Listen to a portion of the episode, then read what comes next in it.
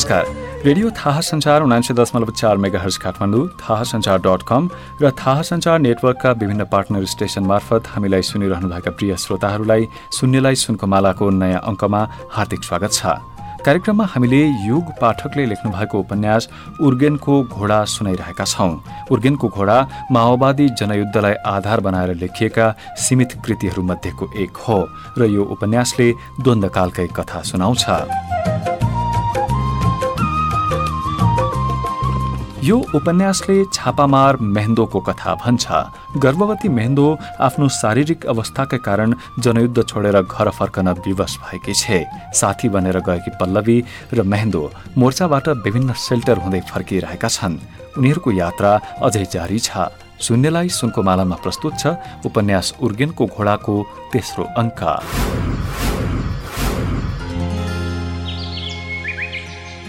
एक्काइस दिन भइसकेको थियो उनीहरूको यात्रा जारी थियो।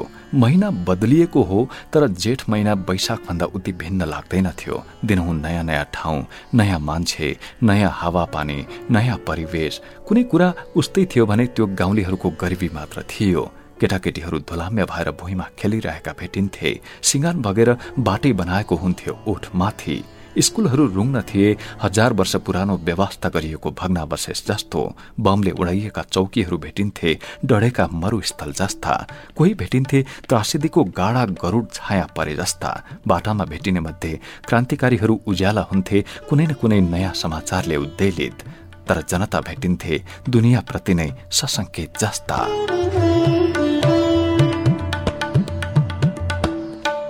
हामी कुन ठाउँमा छौँ दिदी? पल्लवी उग्रदो बिहानीको कोमल प्रकाशमा नुहाएर आँगनको डिलमा उभिएकी थिए। त्यो डिल भिरको टुप्प जस्तो थियो अर्थात् आँगनको डिलमै भिर थियो। आँगन भन्ना साथ घर हुनु पर्यो। हो घर थियो तर सहर बजारमा त्यसलाई घर नभन्दा हुन्। स्याउलाले छाएको छाप्रो थियो। स्याउलाले छाए पनि खरले छाए पनि टिनले छाए पनि बलेसी त उस्तै हुने रहेछ। बलेसीमा शीतका थोपाहरू टप्केका चिसा खोबिल्टाहरू थिए। तिनीमध्ये केही खोबिल्टा कुल्चिएर मेहेन्दो उभिएकी थिए। हामी नुवाकोट टेकियो पल्लवी मैले हिजै गाइड साथीलाई सोधेको थिएँ। मेहेन्दोले उत्तर त दिए तर उसको ध्यान भने अलिक पर ढिस्कोमा एक्लै बसेको माने अर्थात् चिहानमा पुगेको थियो। एउटा रङ्गीन चरो भर्खरै मानेमा बस्न आएको थियो। आँगन छेउैबाट गएको बाटोबाट करिब दुई सय मिटर पर पुगेपछि त्यो माने आउँथ्यो र केही पाइला परतिरबाट अग्लिएको डाँडोमा रातै गुराँस फुलेको बाक्लो जंगल देखिन्थ्यो। मलाई त के हुन्छ के हुन्छ त्यति? नयाँ ठाउँमा त घामले पनि छल्छ। कथा पूर्व कथा पश्चिम त्यसै अल्मलिन्छु भने। पल्लवी भर्खरै नयाँ सिद्धान्त पत्तो लगाएको वैज्ञानिक चाहिँ उत्तेजित देखिन्थे। अब के भने होला पल्लवीले? पूर्व पूर्वमै हुन्छ पश्चिम पश्चिममै हुन्छ। किन अल्मलिनु नि? मेहेन्दोले ओठमा हाँसो खेलाएर भने जिस्काए झैँ पनि भएको थियो उसको जवाफमा। होइन कि दिदी? मैले के भनेको भने नि मनले भन्छ यो पूर्व होइन तर घाम त्यतैबाट हुँदा आएको छ। भूगोल फरक भएपछि यस्तै भ्रम हुँदो रहेछ भनेको पो दिदी। पल्लवीले स्पष्टीकरण दिए लाजमर्दो हुनुभन्दा पहिले परिस्थितिबाट उम्कने प्रयास गरी उसले दुवैजना हाँसे। मानव हाँसो नै पल्लवीको समस्याको समाधान थियो। तर पल्लवीको मन भने अझै सन्तुष्ट हुन सकेको थिएन। उसलाई झुक्याउने घाम उदाएको नै मन परेन। कस्तो कस्तो अतृप्तिले काउकुती लगाइरह्यो। पल्लवी अल्ली वरा सरी अनि हावाको मन्द चापमा हल्लिरहेको लुङदर नेर उभि लुङदर घरभन्दा दोब्बर अग्लो थियो। त्यसमा लेखिएका लामा मन्त्र पढ्न सम्भव थिएन तर पल्लवी पढ्न खोजे झैँ हेर्दै थिए। उसले सोची तामाङहरू झण्डा किन ठड्याउँछन् होला? तर उसले यो प्रश्न मेहेन्दोलाई सोध्ने आँट गरिन। मेहेन्दोले फेरि उडाउने पो हो कि? भन्ने शङ्काले लुङदरको छेउैमा कुखुराहरू चरिराखेका थिए। एउटा रातो घोक्रिएको भाले पोथीलाई फकाउन अनेक प्रपञ्च गरिरहेको थियो। घरपेटी तामाङले दिदी बाख्रालाई घाँस दिएर भित्र गइन् तिनीहरू घाँस चपाउन थाले। पल्लवीलाई हिजो राति सुत्ने बेलाको याद आयो। बाख्री आफ्ना पाठा पाठीलाई हल्का आवाजमा म्या म्या गरेर हालखबर सोध्थे पाठाहरू भने ठुलै स्वरमा म्या गर्दै ठिकठाक भएको जानकारी दिन्थे। अङ्गना छेउमा उनीहरूलाई गुन्द्री ओछ्याएर घरपेटीले सत्कार गरेका थिए अनि उनीहरू गुन्द्रीमा स्लिपिङ ब्याग ओछ्याएर सुतेका थिए। उनीहरूको नजिकै बाख्रा बाँधिएको थियो। पल्लवी बाख्राको गुनगुन र छुनछुनले दाँतमा किरकिरी लागेर हैरान भएकी थिए। आँगनको अर्को कुना पहरोको भित्तैमा टाँसिएको थियो। त्यहाँ गुराँसको एउटा अडबाङ्गो रुख उभिएको थियो र रुखको फेदैमा बसेर घरपेटी काका डोको बन्दै थिए। डोको आधा भएको थियो र लहरै ठडिएको चोयालाई पालै पालो बुन्न उनका सिपालु हात क्रियाशील देखिन्थे। सत्र ठाउँ फाटेको ढाकाको मैलो टोपीले कपाल छोप्न ठाउँ ठाउँमा अस्वीकार गरेको थियो। ढुङ्गाको पिर्कामा बसेका थिए काममा मग्न भएकोले पाहुनाको उति वास्ता गरेका थिएनन्।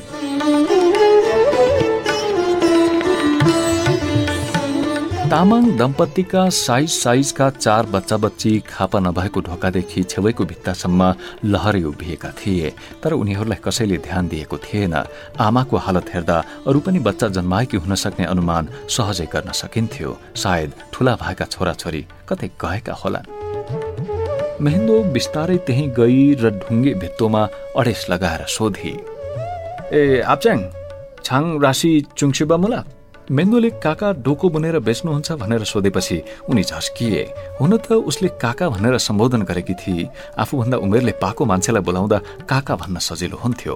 मेन्दोको प्रश्नले उनलाई झस्काउनुका दुईटा कारण थिए। एक उनको ध्यान एकाएक भङ्ग भएको थियो र दोस्रो पाहुना केटीले तामाङ भाषामा यो प्रश्न सोधेकी थिए आहिन्चामे तिम्रिन तोबा मुला चुङबरे हनाङ तोगे। तामाङ काकाले जवाफ दिए। होइन नानी घरैमा चाहिन्छ बेच्न कहाँ जाने?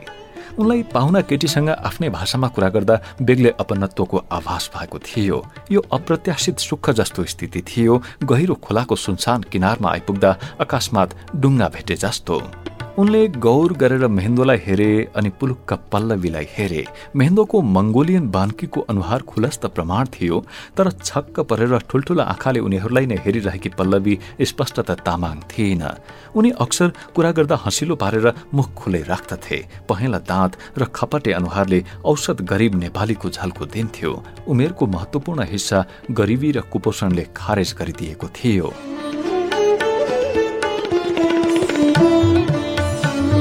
डोको बेचेर आमदानी गर्ने अन्य गाउँले मेहेन्दोले देखेकी थिए। तामाङ काकालाई त्यो जुक्ति बताइदिन मन लाग्यो उसलाई। उसले नसोधिकिन बस्नै सकिन। अनि काका तपाईँहरू सहरतिर जानुहुन्न कहिले नि? मेहेन्दोले तामाङ भाषामै सोध्छे। पल्लवी केही पनि बुझ्दिन तैपनि उनीहरूको कुराकानीले उसलाई लोभ्याउँछ। ऊ नजिकै आएर ट्वाल्ल पर्दै हेरिरहन्छे। खै हामी त यो एबिङ खोला काटेर उता जान्न हो नानी। काकाले सहज उत्तर दिए। मेहेन्दोलाई यावेङ खोलाको नाम सुन्न साथ बिजुलीको झट्का पैतालाबाट छेरेर कपालको टुप्पोसम्म पुगे झैँ महसुस भयो। यावेङ खोला रे काका उसको बोली अखासमा चर्किएको थियो। होइन किन आत्यो नानी? काकाको हात डोको बुन्दा बुन्दै रोकियो। मेहेन्दोको आश्चर्यचकित बोलीले तामाङ काकालाई पनि आश्चर्यमा पारेको थियो। होइन काका आत्तेको छैन। अनि सुन्नु न यो यावेङ खोला यतै हो र काका? मेन्दुले सकेसम्म आफूलाई सम्हाल्ने असफल कोसिस गरे। हो? नानी। ऊ त्यहाँ यता तलतिर पर्छ याभङ चोरी औलाले नजिकैको पहाडतिर इसारा गर्दै काकाले सुनाए लगत्तै उनका हात फेरि चोया मर्काउने काममा फर्किए। उनले जता देखाए त्यता अग्लो पहाड छ तर पहाडको उत्तरपट्टिबाट खोला सुसाएको आवाज भने यहाँसम्म पनि आइपुगेको छ। मेन्दोलाई याबिङ खोलाको सुसाहटले छटपटी गरायो। सेतो घोडाले हृदयमा हुन्डरी मचाउन थाल्यो। उसलाई रिङ्गट लाग्यो। अघिल्तिरको संसार चकराउन थाल्यो र सेतो घोडा उग्र बेगले वायुमण्डल नै उद्वेलित गरेर दौडिन थाल्यो।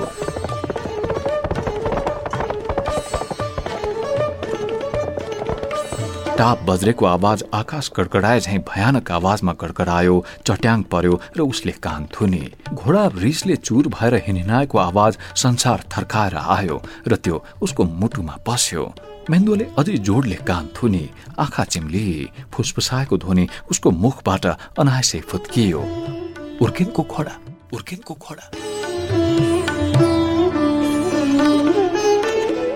घरपेटी तामाङ काकाको अनुहारमा विस्मय छापिएको छ। मुख खुल्लै छ उनका चिम्सा आँखा उदेकमा परेका छन्। अद्भुत चिज आँगनमा उत्रिए झैँ छक्क परेका छन्। यो केटीलाई याभेङ खोलाको नामले के जादु गर्यो ह? प्राग ऐतिहासिक संवेदना बाँचिरहेका तामाङका निम्ति याभेङ खोला अलिखित इतिहासको किम्बदन्तीमय सेतु थियो। त्यसैले उनी याभेङ खोला तरेर कहिले सहर गएनन् परम्परागत मान्यतालाई सम्मान गरेका थिए। उनी मात्र के यो ऐतिहासिक शुद्ध तामाङ गाउँका कोही पनि याभेङ खोला काटेर जाँदैनथे। पुर्खाको रगत बगेको खोला नटेक्ने उनीहरूको प्राण थियो। इतिहासको आक्रोश एउटा सानो मान्यताको अणुभित्र जीवित थियो।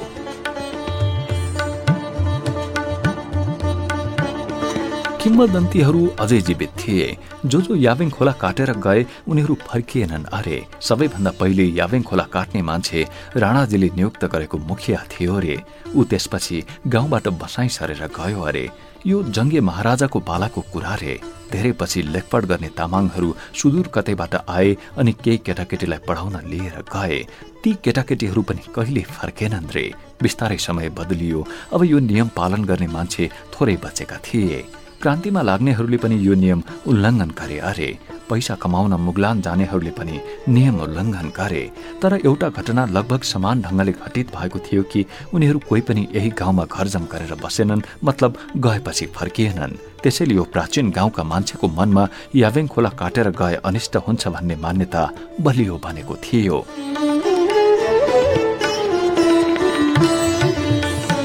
तामाङ काकालाई पनि यावेङ खोलाको किम्बदन्ती राम्ररी थाहा थियो। केही वर्ष अघि तामाङको कथा खोज्न आएको पठित सहरिया तामाङ युवक यावेङ खोलाको किम्बदन्ती सुनेर यसै गरी छटपटाएको थियो तर ऊ त यति विघ्न भूतले समाते झैँ भएको थिएन। मेहेन्दोको मनमा हजार प्रश्न सलबलाएर उठे मानव तामाङ काकाको अनुहारमा परेको चौरीका रेखा हजारौं गणौला झैँ सलबलाइरहेका छन्। त्यो खोला कस्तो होला? अरू खोला जस्तै। वा फरक? के अझै त्यहाँ त्यो भयानक लडाईँको चिन्ह होला? कि खोलाले सबै इतिहास पनि बगायो होला? कति पटक बाढी आयो होला यावेङ खोलामा? रगतको भुमरी परेको ठाउँ खोलामा अझै होला? कि खोलाले धार बदलेर त्यो भुमरी मेटाइदियो होला? बाह्र वर्षमा खोला पनि फर्किन्छ भन्ने चलन छ। यहाँ त साढे तीन सय वर्ष बितिसकेको थियो। खोला बदलियो होला। पहाडहरू होचा अग्ला भयो होलान् तर खोलाले इतिहास त बदल्दैन नि। इतिहासले मान्छेको मनमा भुमरी पार्छ खाल्टो खन्छ फेरि पुर्छ फेरि घाउ बल्झिन्छ किम्बदन्ती बन्छ तर इतिहास मर्दैन। पल्लवी मेहेन्दोको छेउमै जान्छे। उसको गर्भवती शरीरले कुनै पनि प्रकारको तीव्र उत्तेजना धान्न सक्दैन भन्ने पल्लवीलाई थाहा थियो र मेहेन्दोको असिन पसिन अनुहारमा उत्तेजनाको तीव्र धार उसले देखिसकेकी थिए। मेहेन्दो सहज हुने प्रयत्न स्वरूप नजिकैको बोटमा फुलेका गुराँसका दर्जनौ थुङ्गा मनमा नै गर्न थाले। उसलाई यस्तो काम रमाइलो लाग्थ्यो। मनको अस्थिरतालाई अल्मल्याउने यो गजबको तरिका थियो। अल्छी लागेको बेला जंगलका बुट्यान गन्ने वा वरिपरिका ढुङ्गा गन्ने वा उड्दै गरेको चरा गन्ने यस्तै यस्तै गरेर मन बहलाउने आदत बसेको थियो। पल्लवी मेहन्दोको कपाल सुमसिमाउन थाल्छे।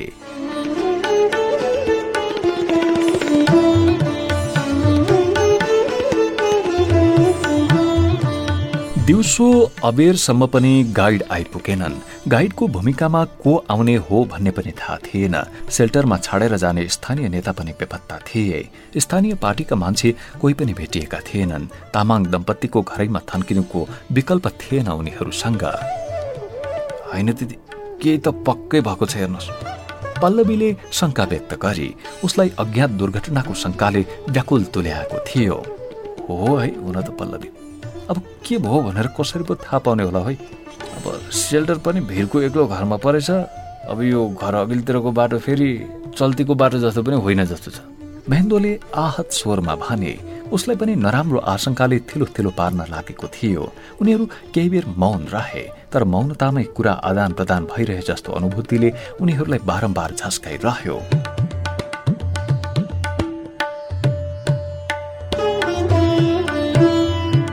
जेठ महिनाको मध्य दिन बाहिर चर्को घाम पोखिएको थियो। चर्को घामले अग्लो पहाड़को सुमधुर चिसोपनालाई पनि जित्ने प्रयास गर्दै थियो। उनीहरू गुन्द्रीमा पल्टिएका थिए। सल्लाह एकैछिन सुत्ने भन्ने थियो तर उनीहरू सुत्नु त परै जाओस् झकाउन पनि सकेका थिएनन्। एउटी गर्भिणी बिराली सदैव खुल्ला रहने ढोकाबाट फुत्त भित्र छेरी।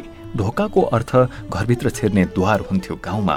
भित्र छिर्न चाहनेलाई छेक्ने कुनै उपाय गरिँदैनथ्यो। कुचित उद्देश्यले छिर्नेले पनि केही भेट्टाउने सम्भावना हुँदैनथ्यो गरिबी त्यस्तो चिज हुन्थ्यो जो चोर्न वा लुट्न कसैलाई इच्छा हुँदैनथ्यो बिराली उनीहरूलाई टल्किने आँखाले पल्याक पुलुक हेर्दै लिस्टमा चढेर माथि गई। मेहेन्दोलाई गर्वको अनुभूतिले अकस्मात ऐठन गर्न थाल्यो। मेहेन्दो बेचैनी बिसाउने उपाय खोज्न लागेकी थिए। ऊ घुँडामा हातले टेकेर जुरुक्क उठी। आजकल घुँडाको सहायता नलिई उठ्न उसलाई कठिन हुन्थ्यो। आँगनमा जवान घाम मनमौजी तालले गट्टा खेलिरहेको थियो। पल्लवी उसको पछि पछि बाहिर निस्केकी थिए तर मेहेन्दोलाई अत्तो पत्तो थिएन। मेहेन्दोले पिँढीमा बसेर घामको टलकमा टल्किरहेको जंगल चिहान र बस्तीलाई निहाल्ने उपक्रम सुरु गरी यो एउटा मन बहलाउने र गाइडको प्रतीक्षा गर्ने उपाय थियो। उसको ठिक पछिल्तिर भित्तामा ढेपिएर पल्लवी उभिएकी थिए प्राचीन कालदेखि अस्तित्व जोगाएर बसेको तामाङ गाउँ डाप्साङ पर अग्लो पाखामा देखिन्थ्यो। उसका आँखाले नजिकैको माने र टाढाको तामाङ गाउँलाई पालै पालो निहालिरहेका थिए। त्यो मानेभित्र को सुतेको होला? मेमे त मेमे होलान् तर उनको नाम के थियो होला?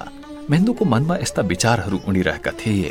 गाउँ बाक्लो देखिन्थ्यो तर अग्लो पहाडमा बाक्लोको मतलब सहर बजारको जस्तो हुँदैन थियो। यतातिरबाट देखिने पाखोदेखि पहाडको चुचुरोसम्म थुप्रै घर देखिन्थ्यो। तामाङ जातिको इतिहासलाई आधार मान्य हो भने त्यो प्राग ऐतिहासिक गाउँ थियो।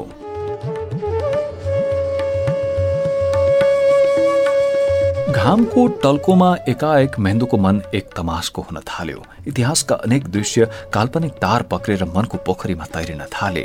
उसलाई इतिहासको किम्बदन्तीले मात्र पनि घाइते बनाउँथ्यो। यता घाम चर्कोसँग टल्किँदै थियो। प्राग ऐतिहासिक तामाङ गाउँका हरेक करेसाबाट सेता घोडा हम्फालेर निस्कन लागे र क्षणभरमै सम्पूर्ण पहाड सेता घोडाको बुट्टाले भरियो। घोडाहरू फौज जस्तो अघि बढिरहेका थिए। मानव कुनै आक्रमणको योजना अनुरूप आवेगपूर्ण उकाली ओह्राली दौडिरहेको छापामारको फौज थियो थियो।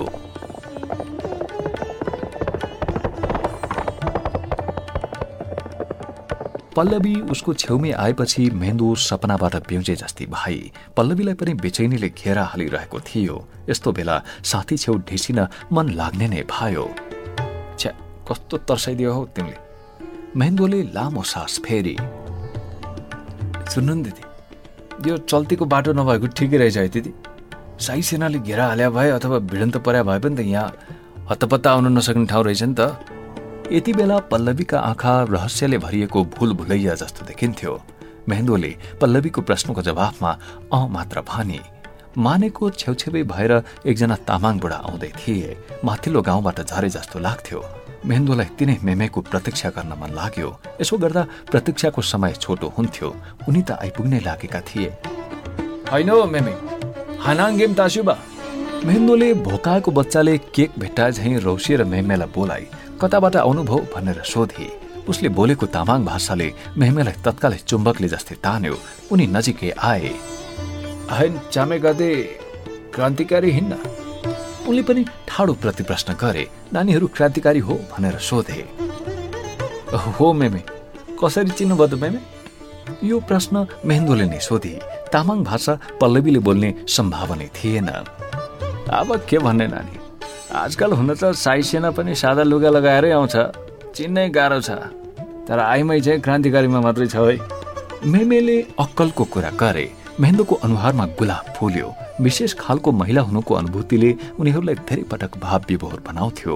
पल्लवी प्रतिक्रियाहीन उभिएकी थिए काउकुती पचाएर। अनि मेमे कता हिँड्नुभयो त? आजकल त साथीहरू पनि देखिँदैन केही खबर पाउनु भएको छ कि? भनेर सोध्न खोजे हो मैले त खासमा। होइन नानी म त यतिकै डुलेको यो चाहिँ मेरो भतिजाको घर अब त्यहाँ तल्लो गाउँमा चाहिँ एउटा केटीलाई आर्मीले मारेको छ अरे। राति घरबाट निकालेर लगेछन्। दिउँसो चाहिँ खोल्सामा लास भेटियो भन्छ। अब उतै गयो होला सबै क्रान्तिकारी। मेहमेले एक एक गर्दै जवाफ दिए। जवाफ सुनेर सनन्न भयो दुवैलाई। पल्लवीले पनि कुरा बुझी किनभने मेहमेले पछिल्लो कुरा नेपाली भाषामै बताएका थिए। पल्लवीको मनमा लाग्यो आइमै हुनु मात्र पनि कत्रो अभिशाप छ यो मुलुकमा। छाती चौडा गरेर आइमाई हुनुको अभिमान गर्न पनि नपाइने। आइमाईको अस्तित्वलाई नै दुष्टहरूले गोली दाग्न खोजेका छन्। उनीहरू सबै क्षणभरका लागि उदास भए। फेरि त्यो खबर हावाको झोक्कासँग आएको बासमा झैँ लहराएर बिलायो। अब आज पनि यतै बस्नु पर्ला जस्तो भयो पल्लवी। त्यही त भने। है दिदी? पल्लवीले पनि मेहेन्दोको कुरालाई समर्थन गरी। अनि मेमे तपाईँ त अब डुल्न हिँड्नु भएको रहेछ। हामीलाई पनि यसो गाउँ डुलाउनुहोस् न त। फेरि तामाङ भाषामै मेहेन्दोले अनुरोध गरे मेहमेले ढिलो नगरी स्वीकार गरे। त्यसपछि माने छेउ हुँदै उनीहरू गाउँतिर लागे छोटो उकालो काटेर स्कुलमा आइपुगेपछि उनीहरूलाई स्कुल हेर्न मन लाग्यो। स्कुल विलक्षण भएर होइन कि गाउँ घुम्ने एउटा उपक्रम स्वरूप। मेहमेसँग हुन्न भन्नका लागि चाहिने कुनै तन्तु नै थिएन। उनले अस्वीकार गर्ने सम्भावना रहेन। उनीहरू हरियो थुम्कोमा रहेको स्कुलको चौरमा उक्लिए।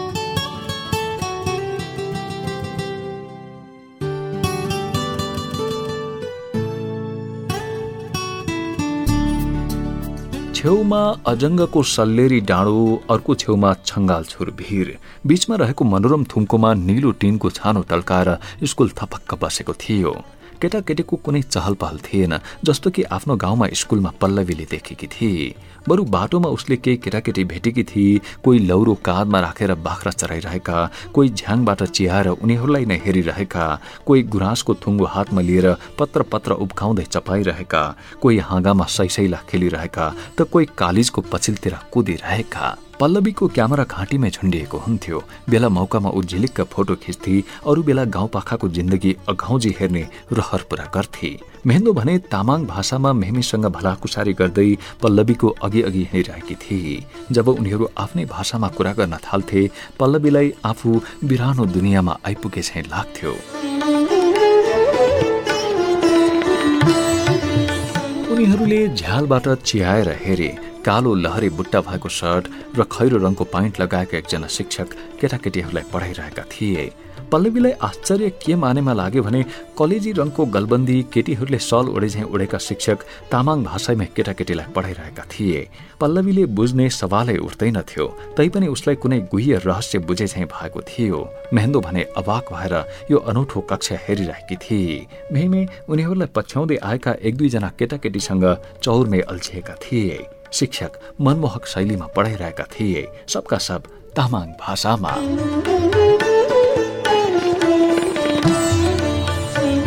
खरायले सोच्यो एक निन्द्रा सुत्यो भने त मैले नै जित्छु। कछुवा बिचरा धेरै पर खस्रिँदै खस्रिँदै आइराखेको थियो। अनि खराए त सुत्यो र त्यो भुसुकै निँदै हाल्यो। जब खराएको निन्द्रा खोल्यो उसले पछाडि फर्केर हेर्दा त कछुवा त्यहाँ छैन। अनि उसले दौडको अन्तिम रेखा भएतिर हेऱ्यो। के देख्छ त? कछुवाले त अघि नै दौड पुरा गरिसकेको रहेछ। बुझ्यो? केटाकेटीहरू चुम्बकीय शक्तिले शिक्षकतिर तानिएका थिए। मानु तिनीहरू कुनै अद्भुत जन्तु हेर्दै बसेका थिए। तिनीहरू मन्त्रमुग्ध थिए। कथा सकियो। शिक्षक मुस्कुराउँदै ढोकातिर बढे। केटाकेटीहरू केही बेर बेन्चमै टाँसिएर बसिरहे। मानु विशेष खालको सुपर ग्लुले टाँसिएका थिए। अनि बिस्तारै उठेर खैला बैला मचाउँदै बाहिर निस्किए।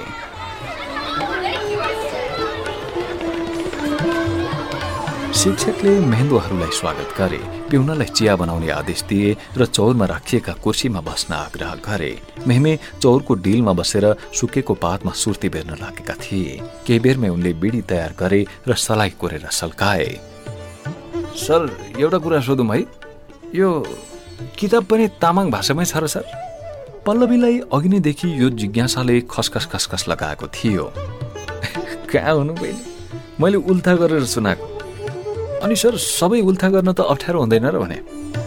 अब के गर्नु नगरेर भन्नुहोस् न। धेरै वर्ष भइसक्यो हेर्नुहोस्। सुरु सुरुमा त पाठ्य पुस्तकै उल्था गरेर डायरी बनाएको थिएँ अब त कन्ठै भइसक्यो हेर्नुहोस्। शिक्षकलाई जीवनमा पहिलोपल्ट आफ्नो कामप्रति गर्वबोध भइरहेको थियो। अन्यथा कसैले वास्ता गर्दैनथ्यो अनि उनको कामको महत्वलाई कसैले उल्लेखसम्म पनि गर्दैनथ्यो। धेरै दिनपछिको तिर्खा मेटिए झैँ सन्तुष्टिले शिक्षकको मुखमुद्रा उज्यालियो किनभने उनले गरेको मेहनतलाई आश्चर्य मान्दै सोध्ने मान्छेहरू उनको अघिल्तिर बसेका थिए।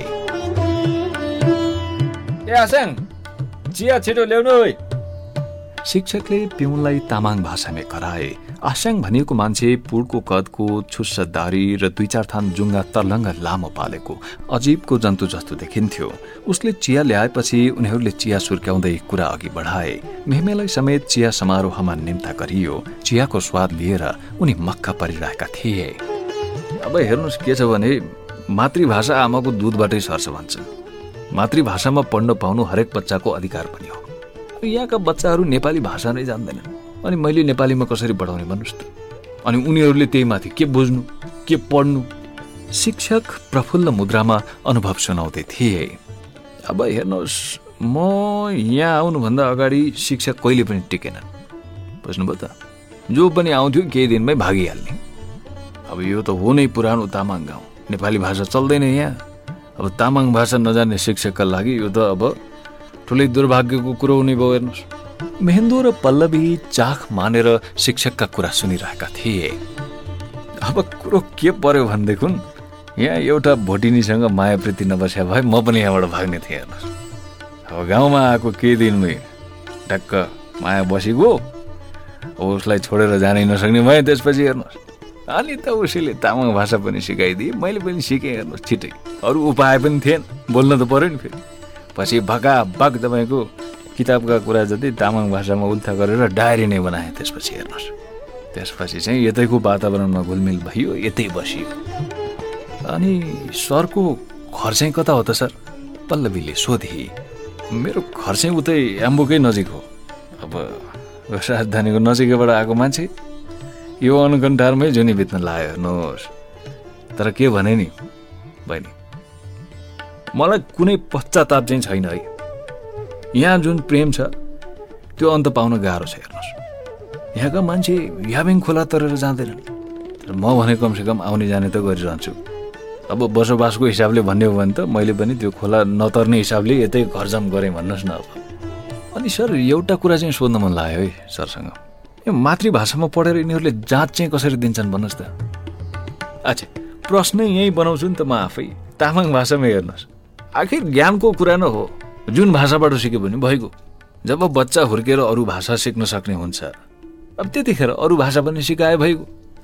हो कि हेर्नु भन्नुहोस् त। यसपटक भने शिक्षकले प्रति प्रश्नको पुच्छर जोडे दुवैजनाले टाउको हल्लाएर समर्थन गरे। शिक्षकले आफ्नो कुरा जारी राखे।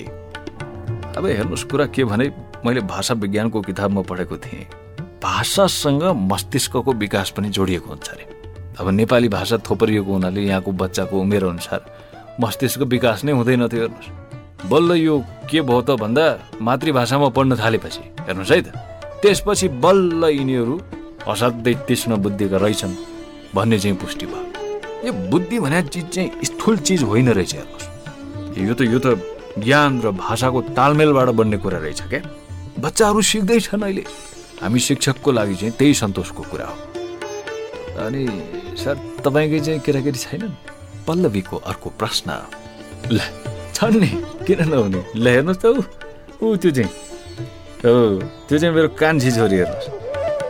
उनले स्कुलको पिँढीमा उभिएर उनीहरूलाई नै हेरिरहेकी बच्चीतर्फ इसारा गरेका थिए। अब काटीकुटी आमा जस्तै छन् हेर्नुहोस् नानीहरू। उनी टुङ्ग्या झैँ बोल्दा बोल्दै रोकिए। यति बेला उनको ओठमा आश्चर्यजनक मुस्कान खेलिरहेको थियो। अनि सर घरतिरको कुरा पनि सुनाउनुहोस् न त। घरमा त तपाईँको बिहेले मान्यता पाएन होला है? पल्लवीले फेरि सोधे के मान्यता पाउनु र हेर्नुहोस् त्यो पनि शुद्ध ब्राह्मण परिवार। मलाई लाग्छ जनैको डोरीले जति कसिलो गरेर बाँध्न खोज्छ नि उति नै त्यसलाई चुडाल्ने उत्कण्ठा पैदा हुन्छ। भनेको मतलब संस्कृति जति बन्धनकारी हुन्छ त्यति नै छिटो त्यो भत्किन्छ। सायद मलाई पनि त्यही प्रेरणाले साहसी बनायो होला। शिक्षकको यो भनाइमा दम थियो। उनीहरूले यस्ता शिक्षक पाखा पखेराका स्कुलमा हत्तपत्ती भेट्दैनथे अझ भनौँ भने भेटेकै थिएनन्। अब के कुरा गर्ने सर? कुरो प्रेमको जो पर्यो होइन त सर? पल्लवीले रसिक आँखाले मेहेन्दोलाई हेर्दै रसिक तरिकाले नै भनेकी थिए। मेहेन्दो मन्द मन्द मुस्कुराई शिक्षक पनि लाज माने झैँ अन्त्यतिर हेर्न थाले। क्रान्तिकारीमा त्यस्तो हुँदैन। हामीलाई प्रेम गर्न जात भात धन सम्पत्ति खानदान केही हिसाब गर्नु पर्दैन। महेन्द्रले स्पष्टीकरणको शैलीमा भने यो एक प्रकारले पल्लवीलाई जवाफ थियो किनभने पल्लवीले अप्रत्यक्ष ढङ्गले उसकै प्रेम कथा उब्काउन खोजेकी थिए भन्ने महेन्द्रले बुझिसकेकी थिए। महेन्द्रको जवाफ सुनेर पल्लवी हाँस्न थाले। शिक्षक असमञ्जसमा परेका थिए। उनले कुरो बुझेनन् कुरो प्रेमको भइरहेको थियो वा अरू केही? दिदी यो त चोरको खुट्टा काट भन्दा खुट्टा उछाले जस्तो पो भयो है दिदी। पल्लवीले अब भने प्रष्ट हुने गरी जिस्क्याई मेहेन्दो लाजले रातो भाइ। शिक्षक पनि कुरा बुझेर हाँस्न थाले। ए अनि तपाईँको पनि अन्तर्जातीय प्रेम? शिक्षकले प्रसङ्गवश सोधे। हजुर हो सर। अब बच्चा चाहिँ आमा जस्तो हुन्छ कि बाउ जस्तो त्यो मात्रै हेर्नु बाँकी छ सर। जवाब मेहेन्दोले होइन पल्लवीले दिए। पल्लवीको छड्के नजरले मेहेन्दोलाई पानी पानी बनायो। ऊ निलो फुल फुलेको सालले मुख पुस्न लागि।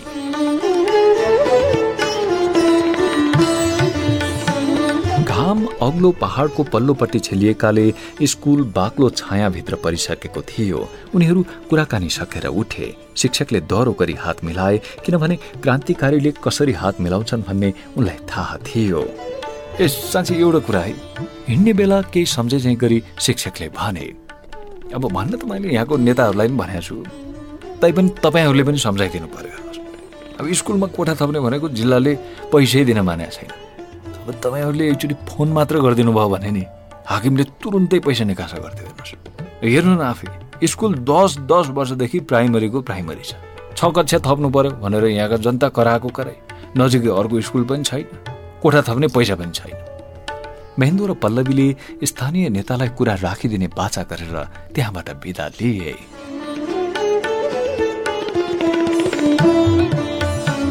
मेमे कुशल गाइड जस्तो अघि लागेका छन्। उनको ठिक पछिल्तिर विशेष प्रकारले सम्हालिएर मेहेन्दो हिँड्दैछ उसको पछि दायाँ बायाँ आँखा घुमाउँदै पल्लवी हिँडिरहेकी छे। मेहेन्दो र पल्लवीको चाल दाँजेर हेर्न साथ त्यहाँ विशिष्ट भिन्नता जो सुकैले पनि छुट्याउन सक्थ्यो। बाटो फाटेको ठाउँ आइपुग्यो। एउटा बाटो उकालिएर गाउँ जान्थ्यो अर्को ओह्रालिएर तल झार्थ्यो। यावेङ खोला सुसाएको टड्कारो सुनिन्थ्यो। ओह्रालिएको बाटो देखाउँदै मेहेन्दोले सोधे मेमे यो बाटो चाहिँ कता जान्छ नि? ए यो बाटो? यो चाहिँ यावेङ खोला जान्छ हौ नानी। मेमेले स्वाभाविक रूपमा बताए पल्लवी हिँड्दै हिँड्दै टक्क रोकी।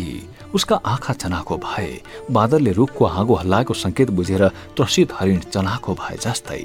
यो खोलाको नाममा जे रहस्य होस् मेहेन्दोलाई गहिरो गरी प्रभावित गर्ने केही छ भन्ने उसले बुझिसकेकी थिए। यो खोला हेर्न जाऊँ न त एकचोटि हुन्न? सानी छोरीले जिद्दी गरे झैँ लाडिएर मेन्दो बोलेकी थिए। मेमेले टार्नै सकेनन्। दिन अझै धेरै ढल्किसकेको थिएन। उनीहरू ओह्रालो झरेर यावेङ खोलाको किनार पुगे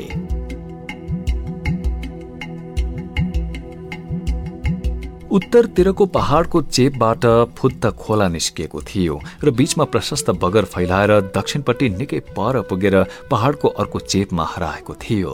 विस्तीर्ण बगरको बीचमा खडेरीको याफिङ खोला निकै दुब्लाएको थियो तैपनि उसले सुसाउन छोडेको थिएन। ठुल्ठुला चट्टान यत्र तत्र देखिन्थे। उनीहरू बगरे बगर हिँडेर पल्लो भित्ताको सेपबाट बगेको खोलानेर पुगे मेहेन्दोको मनमा के बितिरहेको थियो त्यो पल्लवीलाई यकिन थिएन तर पहाडी खोलाको सौन्दर्यले उसलाई भने मोहित तुल्याएको थियो। ऊ झिलिक्क झिलिक्क फोटो खिचिरहेकी थिए खाली खुट्टाले जीवनभर हिँडेका मेहमेलाई बगरमा हिँड्न भने केही अप्ठ्यारो भएको थियो। मेहेन्दो बसी भूत भएर हेर्दै थिए खोला बगर ढुङ्गा पहरो पहरोमा ठोकिएर उठेको छाल ठुलो चट्टानलाई छलेर फुत्किएको पानीको फोहरा बगरमा कतै कतै उम्रिएका बुट्यान। यही बगरमा हतियार लुकाएका थिए होलान्। उसको मनमा यस्ता अनेक कुरा तछाड मछाड गर्दै थिए। मैत्री सन्धि गर्न हात हतियार विहीन भएर आउने निदो थियो तर उनीहरूले षड्यन्त्र गरे। यतै कतै बगरमा हतियार लुकाए होलान्। यतै कतै उर्गेनको टाउको काटे होलान्। यतै कतै उर्गेनको सेतो घोडाको गर्दनमा तरवार दागे होलान्। यतै कतै यतै कतै हुन सक्छ याभेङ खोलाको यही किनारमा त्यो धोकापूर्ण हत्या भएको थिएन होला। किनार जहाँ पनि हुन सक्छ अथवा साढे तीन सय वर्षमा खोलाले बगर बदले होला अथवा पहिरोले पहिले खोला भएको ठाउँमा अहिले होचो थुम्को ठड्याएको होला अथवा हुन सक्छ यही किनारमा उर्गेनको हत्या भएको थियो उसको राजाको हत्या भएको थियो उसको सेतो घोडा मारिएको थियो उनीहरू लड्न सकेनन् किनभने मैत्री सन्धि गर्न निहत्ता यावेङ खोलाको किनारमा भेट्ने सहमति भइसकेको थियो। हुन सक्छ यहीबाट इतिहासले बाटो बदलेको थियो छलेर अर्कै बाटो हिँडेको थियो। तामाङ जातिलाई भरिया र कायर जातको रूपमा कुदेर गएको थियो। इतिहासको कालखण्ड नै गायब भएको थियो र तामाङहरू इतिहासहीन भएका थिए।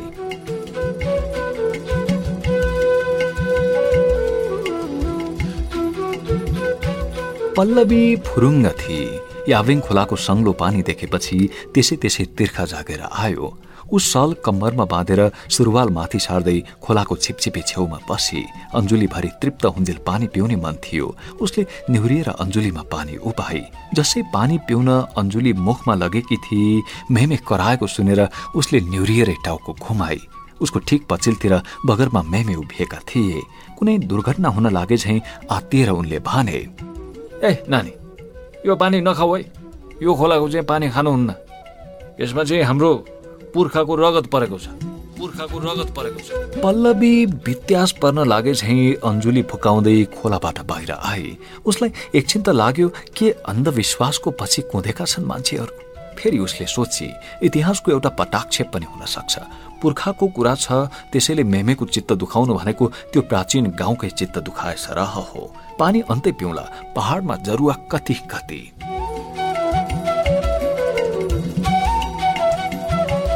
इतिहासदेखि नै सिङ्गो तामाङ गाउँ यो परम्परालाई सम्मान गरेर बाँचेको थियो। उनीहरू अरू उपाय गर्थे तर खडेरीमा पनि यावेङ खोलाको पानी पिउँदैनथे आत्तिएको खरायो झैँ भएर पल्लवी मेहेन्दोको छेउमा पुग्छे। मेहेन्दो चाक्लो ढुङ्गामा बसेर टोलाइरहेकी थिए। उसको अघिल्तिर दर्दनाक दृश्य उपस्थित थियो। बगरभरि रक्ताम्य लास लडेका थिए सेतो टोपी र सेतै पटुकामा आलो रगत टड्कारो देखिन्थ्यो। याफेङ खोला रक्ताम्य थियो। भर्खरै तरबार पखालेर छली हत्याराहरू गइसके। पर क्षितिजमा उनीहरू गइरहेको मधुरो छाया देखिन्थ्यो। बगरमा लडेका लास मध्ये कुनै एउटा लास उर्गेनको हो तर उसले चिन्न सकेकी थिएन किनभने राजाको टाउको र योद्धा उर्गेनको टाउको काटेर खोलामा बगाइएको थियो। उसै पनि उसले कहिले मुख देखाएको थिएन। ऊ अन्जान पुर्खा थियो। सबै मेहमेहरूसँग आवाहरूसँग अनुहार मिल्ने जस्तो। उर्गेनको सेतो घोडा खोलाको किनारमै खुट्टा तन्काएर पछारिएको थियो।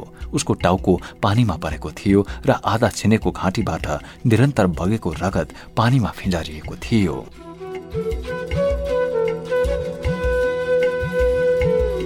खोलाको धारा प्रवाहमा मेन्दोका आँखा केही खोज्ने कोसिस गर्न थाले।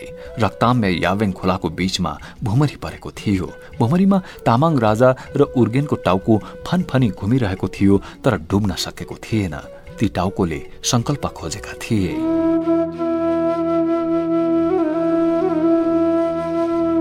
कसै न कसैले संकल्प त गर्यो होला तर त्यो संकल्प पूरा गर्नबाट पुस्ता दर पुस्ता तामाङहरू चुके। उनीहरू भागेर झन अग्लो भेरमा पुगे खोरिया फाँड्दै छाडेर हिँड्दै गरे तर सत्ताको पहुँच हुने ठाउँमा उनीहरू बसेनन् यावेङ खोला तरेर गएनन्। जता जता उनीहरूको नस्ल फैलियो उता उता कुनै न कुनै खोला हुन्थ्यो। उनीहरू त्यो खोलालाई सीमा बनाउँथे र त्यसलाई तरेर सत्ताले भेट्ने ठाउँमा जाँदैनथे। सुदूर अनकन्टार पहाड पर्वतमा आदिम जीवन जिउन उनीहरूलाई स्वीकार्य भयो। यस्तो चलन कैयौं वर्ष चलिरह्यो। बिस्तारै मेहेन्दोको ओठ फुसफुसाए। होइन। हामी जातैले कायर होइनौ। हामी पनि लड्न सक्छौ। हामी भरिया मात्र होइनौ। हाम्रो पनि स्वाभिमान छ।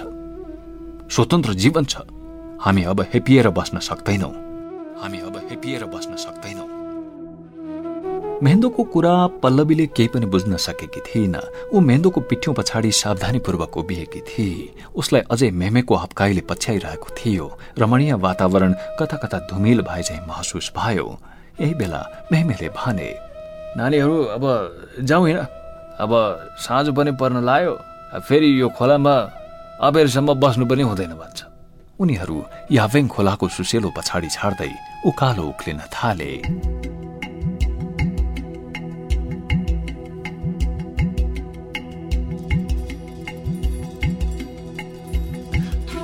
ल उकालो उक्लन थाले म गएर टुङ्गियो हेर। बाँकी क्रमशः अर्को अङ्क मारे। मौसमले दिक्क मान्दै भन्यो छ्या के क्रमशः राख्या होला? पत्रिकामा छाप्नुको साटो बरु सिङ्गे उपन्यास छापेको भए भइहाल्थ्यो। यस्तो टेली सिरियल जस्तो पो रहेछ। उज्जवला पनि सन्तुष्ट देखिएन। मैनबत्ती टुङ्गोमा पुग्न लागिसकेको थियो। मध्यरात पनि भइसकेको थियो। बाहिर पानी पर्ने रोकिने सिलसिला चलि नै राखेको थियो। अहिले वर्षा थामिएकोले रातको चकमन्न सबैतिर व्याप्त थियो तर यो दम्पतिको मनमा भने अनेक प्रश्न उठ्ने हराउँदै गर्दै थिए। दुवै उठे र किङ कर्तव्य विमोड अवस्थामा यताउता टहलिन थाले। उज्वला यताउता भएका चिजबिज ठिक ठाउँमा राख्ने बहानामा अल्झिएकी थिए। दुवैजनालाई थाहा थियो यति राति यी कामले कुनै महत्व राख्दैनथे। यो याभिङ खोलाको लडाईँ भन्ने त कतै इतिहासमा पढे जस्तै लाग्दैन मलाई त। उज्वलाले भुइँमा खसेको प्लास्टिकको गुलाब टिपेर राख्दै सोधे त्यही त इतिहास जित्नेहरूको घोडा हो भन्ने कतै सुनेको थिएँ मैले। अब तामाङहरूले त लडाइँ हारेका थिए। कसले लेख्थ्योस् त? मौसमले जानकार शैलीमा भन्यो तिमीलाई थाहा छ यसको बारेमा? उज्वला छक्क परेर ठिङ्ग उभिएकी थिए। अब भन्नाको मतलब उपन्यास पढेर त्यस्तै लाग्यो भने के? तामाङ राजा र राजाको युद्ध उर्गेनको टाउको काटेको थियो। भने त उपन्यासमा। ए म त के के जानेको होला भनेको त हुन त त्यो केटी के अरे के अरे त्यसको नाम ओ मेन्दो त्यसले चाहिँ तामाङ जातिको स्वाभिमान जगाउने कुरा सोचेकी रहेछ है तर भोटेहरूको बुद्धि त्यस्तो कहाँ हुने के भन्छौ हो तिमी अब यो भोटे भन्ने दिन गए उज्जवल कुनै पनि जातिलाई होच्याएर बोल्नु ठिक हुँदैन क्रान्तिमा लाग्नेहरू यस्तै भोटे दमाई कामी मगर चमार थारूहरू त हुन्ने त्यसमा आइमाई पनि थप्न नबिर्स तिमी त भन्थ्यौ त मसित आइमाईले पनि लडाइँ लड्दैछन् भने होइन अनि भोटेलाई भोटे भन्दा के बिग्रिन्छ त? भनाइमा के छ? हामी व्यवहारमा त भेदभाव गर्दैनौँ नि। सबैका छोराछोरीलाई बराबरी पढाएकै छौँ। बानी परेको कुरा सजिलै जान्छ त भने। उज्वला ठिक र बेठिकको मजधारमा फँसेकी थिए। भाषामा पनि खोजी हुन्छ नि त उज्वला पारिजातले लोकगीतमा गाउँका ठिटी सबैलाई भनेर भनेर विरोधमा लेखै लेखेका थिइन्। सम्मान र अपमानको पहिलो कसी त भाषा हो नि। पारिजातको नामले उज्वलालाई पुरै पराजित गरिदियो। ल ल सरी अबदेखि भन्दिनँ। हुन त उनीहरू जातैले पिछडिएका त होइनन् नि है। उज्वलालाई अब भने गल्ती महसुस भएको थियो। अन्त कुनै जातिमा जन्मिनु नै अपराध होइन नि त। तर जातको राजनीतिले अपराध जस्तै बनायो यहाँ। जातको नाममा राजनीति भयो उच निच बनाइयो त्यसैले कुनै जातिको हुनुले पक्का फरक पार्छ। पारोस् फरक। हामी के गर्न सक्छौँ र? उज्वलालाई दिक्क लाग्यो। अब हामीले के गर्नु उज्वला क्रान्तिकारीले गर्छन् जे गर्नु। मौसमले संक्षेपमा भन्यो उपन्यासको क्रान्तिकारीले कि साँच्चैकोले उज्वलाले खाटमा बस्दै सोधे। खाए कुन हो? साँच्ची मेन्दो कतै छ कि छैन होला भन त उज्वला अब मेन्दोको फोटै टाँसेको छैन किताबमा। छ भन्नु कि छैन भन्नु? ए त्यस्तो भने होइन के? ल छे र छैनमा एउटा उत्तर देऊ न। तिमी त छे नि मेन्दो। किन नहुनु? नत्र लडाइँ कसरी चल्दैछ त? अनि उज्वला पेट पनि बोकेकी छ मेन्दोले। त्यहाँ के कुरा गर्छौ भने? मैले भेटेको छु र मेन्दोलाई। उज्वलाले प्याट्ट मौसमको ढाडमा हिर्काई। होइन के उज्वला साँच्ची भएदेखि पेट बोकेको भन्या छ उपन्यासमा। त्यस्तै हुनु परेन त? खाइ तिम्रा कुरा। ठ्याक्कै के हो त मलाई थाहा छैन मौसम। तर मैले त्यस्तै मङ्गोलियन छापामार केटी देखेको छु ल। बाजी थाप्ने भए पनि थापौँ। उज्वलाले आत्मविश्वासपूर्वक भने उज्वलालाई पराजित गर्ने जवाफ सोच्न मात्र लागेको थियो मौसमले कसैले डोरबेल बजायो घन्टीको स्विच सुस्तरी थिचिएको थियो क्यारे घन्टीको चरो सुस्त स्वरमा करायो र छिट्टै चुप लाग्यो। दुवैजना झसङ्ग भए। कर्फ्यू लागेको मध्यरातमा को आउन सक्छ?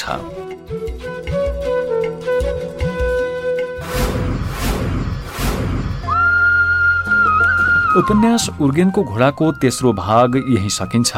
हामी आशा गर्छौ यो उपन्यास र हाम्रो प्रस्तुति तपाईँलाई रोचक लाग्यो। अवस्था अर्को अङ्कमा फेरि भेटौँला। उपन्यास उर्गेनको घोडा र यस कार्यक्रमबारे यहाँको धारणा पठाउन चाहनुहुन्छ भने तपाईँलाई हार्दिक स्वागत छ।